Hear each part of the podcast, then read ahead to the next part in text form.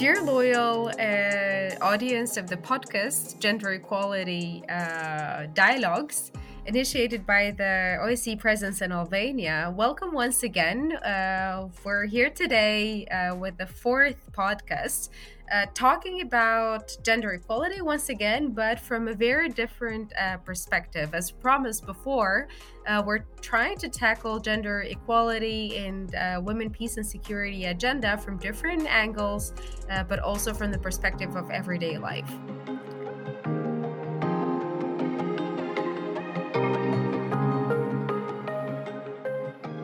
We have the pleasure to have Ambassador Håstad with us. Uh, you know her already because she, she is very active in the Albanian society through social media, but not only. Um, and today we're looking forward to hearing more from her perspective uh, on gender equality.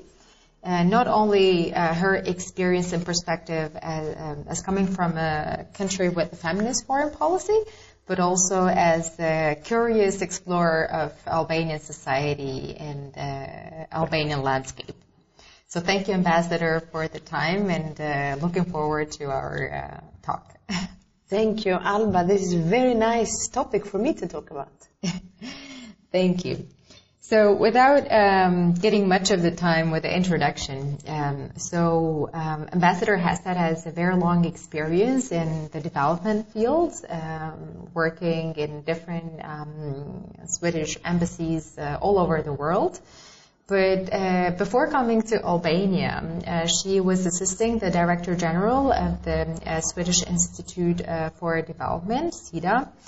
Um, so, of course, she has um, she has had her hands on when it comes to gender equality as well.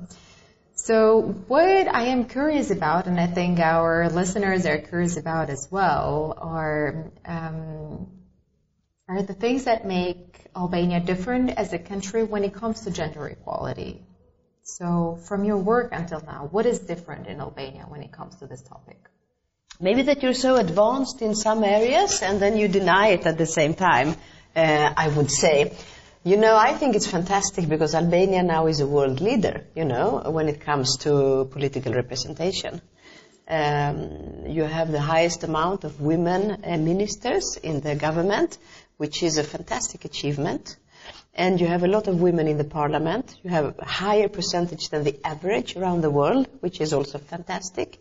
I meet with so many women, uh, strong, clever, extremely uh, driving forward. And that is amazing. Uh, so, so the difference is that you're actually leading in the world. But then, of course, I get the question a lot, but how come we still have gender inequality?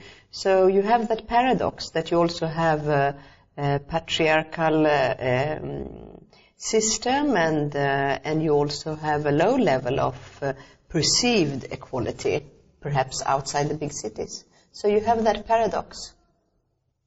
So maybe something to think of um, as uh, not as a strategy, but something as bottom up. So maybe this is one area that can be uh, further worked on. I think that yes, definitely further worked on, but I think also con- continue to work because um, we need to work on all areas and strategies. And now you are performing well, well when it comes to political representation. So now you need to perform well in the other areas. And my own experience shows that uh, this work doesn't go away, or we are still not as equal as I thought when I was growing up in Stockholm, in Sweden, in the 70s. You know, I felt I was growing up in a total equal world, but then after a while you realize and you, you dig deeper into the figures and you understand that it's not so equal as I thought it was. So we need to continue. Uh, but but, I, but I, my real message here to Albania is that you are doing maybe much better than you think you're doing. Well, thank you for the encouragement. But indeed, it's an ongoing struggle for women and men all over the world um, to make our societies more just and uh, equal. Um, you mentioned Albania leading in political representation when it comes to uh, women participation in politics, but Sweden is also um, a leader in its own category, I would say. So Sweden has been the first country with a feminist foreign policy. uh, and it has famously, famously established um, the um, I don't know how to call it, but maybe um, has put its mind on in establishing uh, the, the famous three R's. So rights, representation, and resources to help women uh, go through, uh, achieve more gender equality.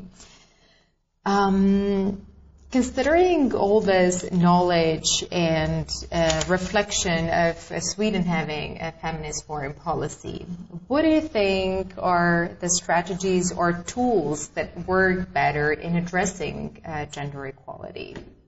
I think that we need to have knowledge about the situation, how things actually are. We need to do homework, our own homework and study, and I think every country needs to do that. You need to have the um, the statistics. You need to have the facts so that you know. I'll give you a very concrete example. Our foreign minister, she did the research on on trade and gender, and she found out that it was actually mm, much more difficult to export and import a female blouse than a male shirt. Hmm. Why? Nobody knew. But it was a lot more um, tariffs and customs and, and hinders for, for this female blouse when it came to export and import. So no one had uh, put the spotlight on that before, but she was the trade minister, so she had to do a gender analysis of trade. Uh, and then, of course, this gave her the inspiration to look into this and see perhaps there are other things that we don't know about because we haven't studied it. So I do think we need to get the facts right so that we know what we're talking about, what we're doing. Of course, we need to have resources, putting money on the table when it comes to, like Sweden, development cooperation, but it can be anything. You, you need to have some funding. Uh, but it's also about representation, and representation in one way you can say it's uh, it's uh, it's easy, but it's not if you don't have it. Uh, and I think uh, I meet a lot of underestimation of the importance of representation in Albania when you're doing so good. And as I said, people ask me, but does it matter? Yes, we have women, but can they decide anything? And I think that is a terrible argument because, of course, it matters that you have women in decision-making positions. That's what other countries strive for. And why does it matter if we're all the same? It matters because we have different perspectives. And it matters because we come with different experience.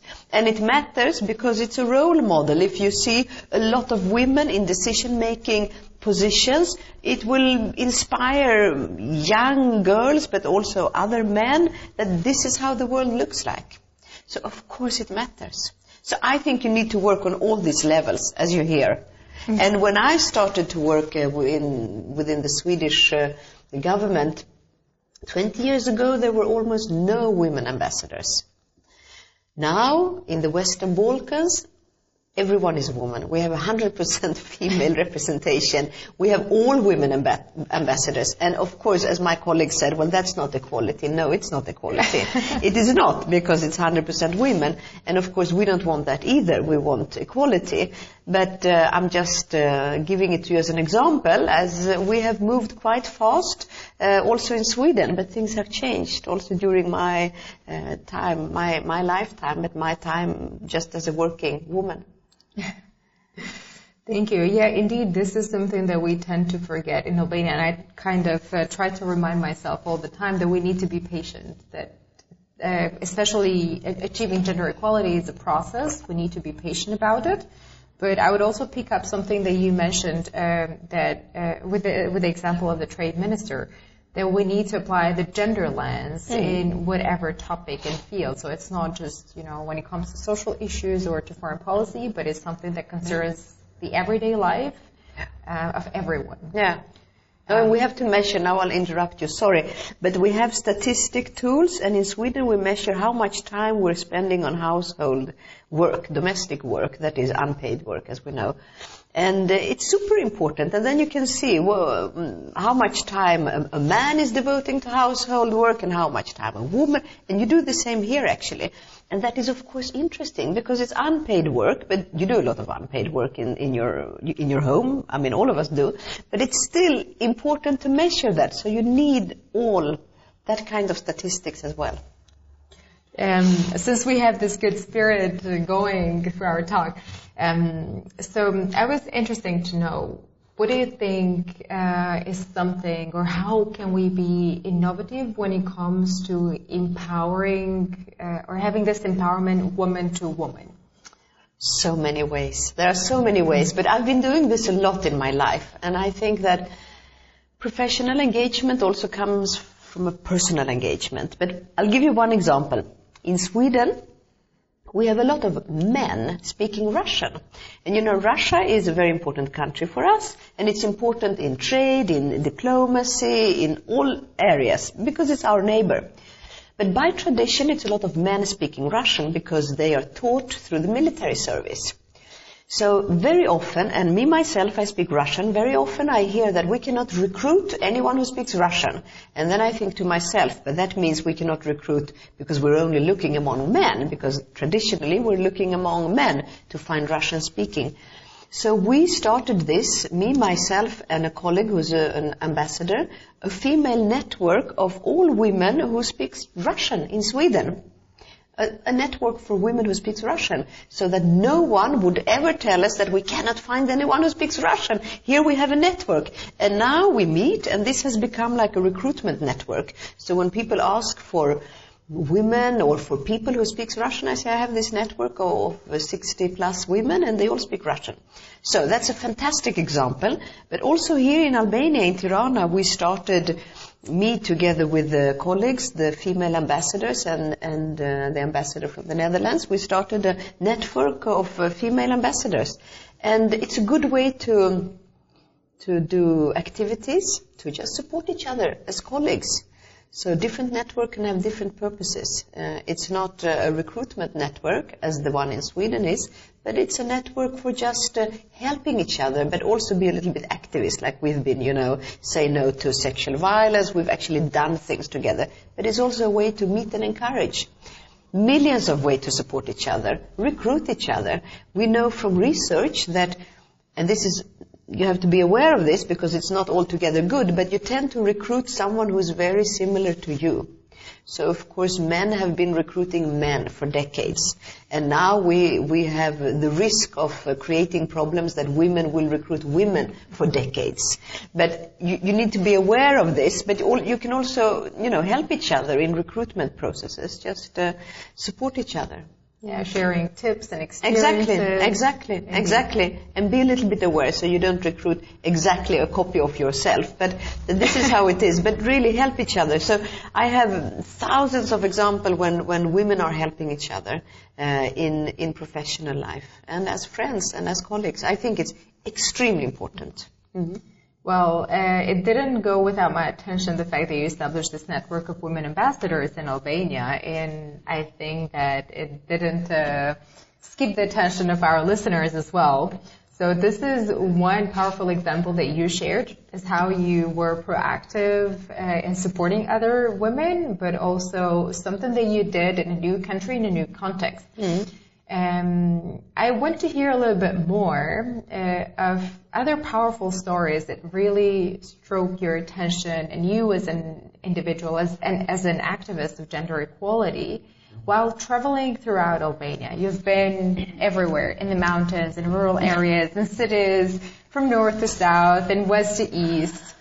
Um, not only showing more of our own country from another perspective and lens, but also exploring the stories of everyday Albanians and hmm. women in Albania. Hmm. Yeah, exactly. You ask me about women now, Alba, but actually I want to tell you about men because I think that um, maybe men uh, is an untold story, and I think that we have to uh, we have to include and we have to talk to men uh, also when we talk about gender equality. And I think that is um, something that changed uh, our work uh, with gender equality was uh, when we also started to put the spotlight on the men. So what I have done, I've met a lot with men, uh, men in Albania, and um, my first um, men talk that we actually initiated from the embassy was to gather Albanian men from different uh, areas of society, different age, different experience. And what struck me was that they were so open. And actually, maybe that is the the biggest. Uh, um, impression that I have from Albania is that people are accessible and open.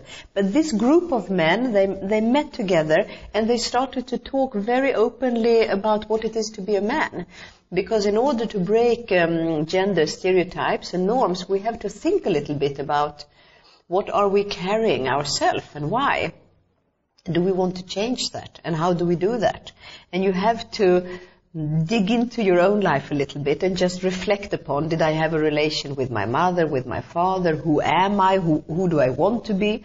And I met some, uh, I mean, all the men there, they were, um, they were very open and they really wanted to share. Some men had reflected more, thinking about, you know, what challenges me as a man? My, my wife is earning more money than me. Is that a problem for me? Yes, maybe it is, or maybe it's not. But I think it's important to talk about that because it is also about shift of power, gender mm-hmm. equality. And we have, um, one group have had the power for so many years, and now we need to shift it. So the powerful story will be the story of men who are so open and actually so willing to change. And I also met a group of young men in Gjirokastër, and young, I mean students, they were like 18, 17, 18, and they were all about talking about gender equality. You know, this is our life, and, and, and I, I would say they even linked it to, to being a modern man. You know, to be a modern man in a, in a modern society, you need to be equal. And of course you need to be equal. Thank you. Indeed, this is something that we tend to forget somehow that men need to do their share as well. It's not a women's topic. They have to be proactive and they are our partners in the struggle. So thank you for this very good reminder, but also pointing out that this is a very powerful story as well. um, as a conclusion, I want to thank you for the very uh, energetic and uh, honest talk that we had about gender equality. You're definitely establishing your image as, an, uh, as a fam- famous activist in Albania when it comes to gender equality, environment, and many other topics that we dearly uh, want to um, explore even more, hopefully in the future. so thank you for that. Um, and uh, yeah, I hope our listeners uh, have enjoyed this talk as much as we did.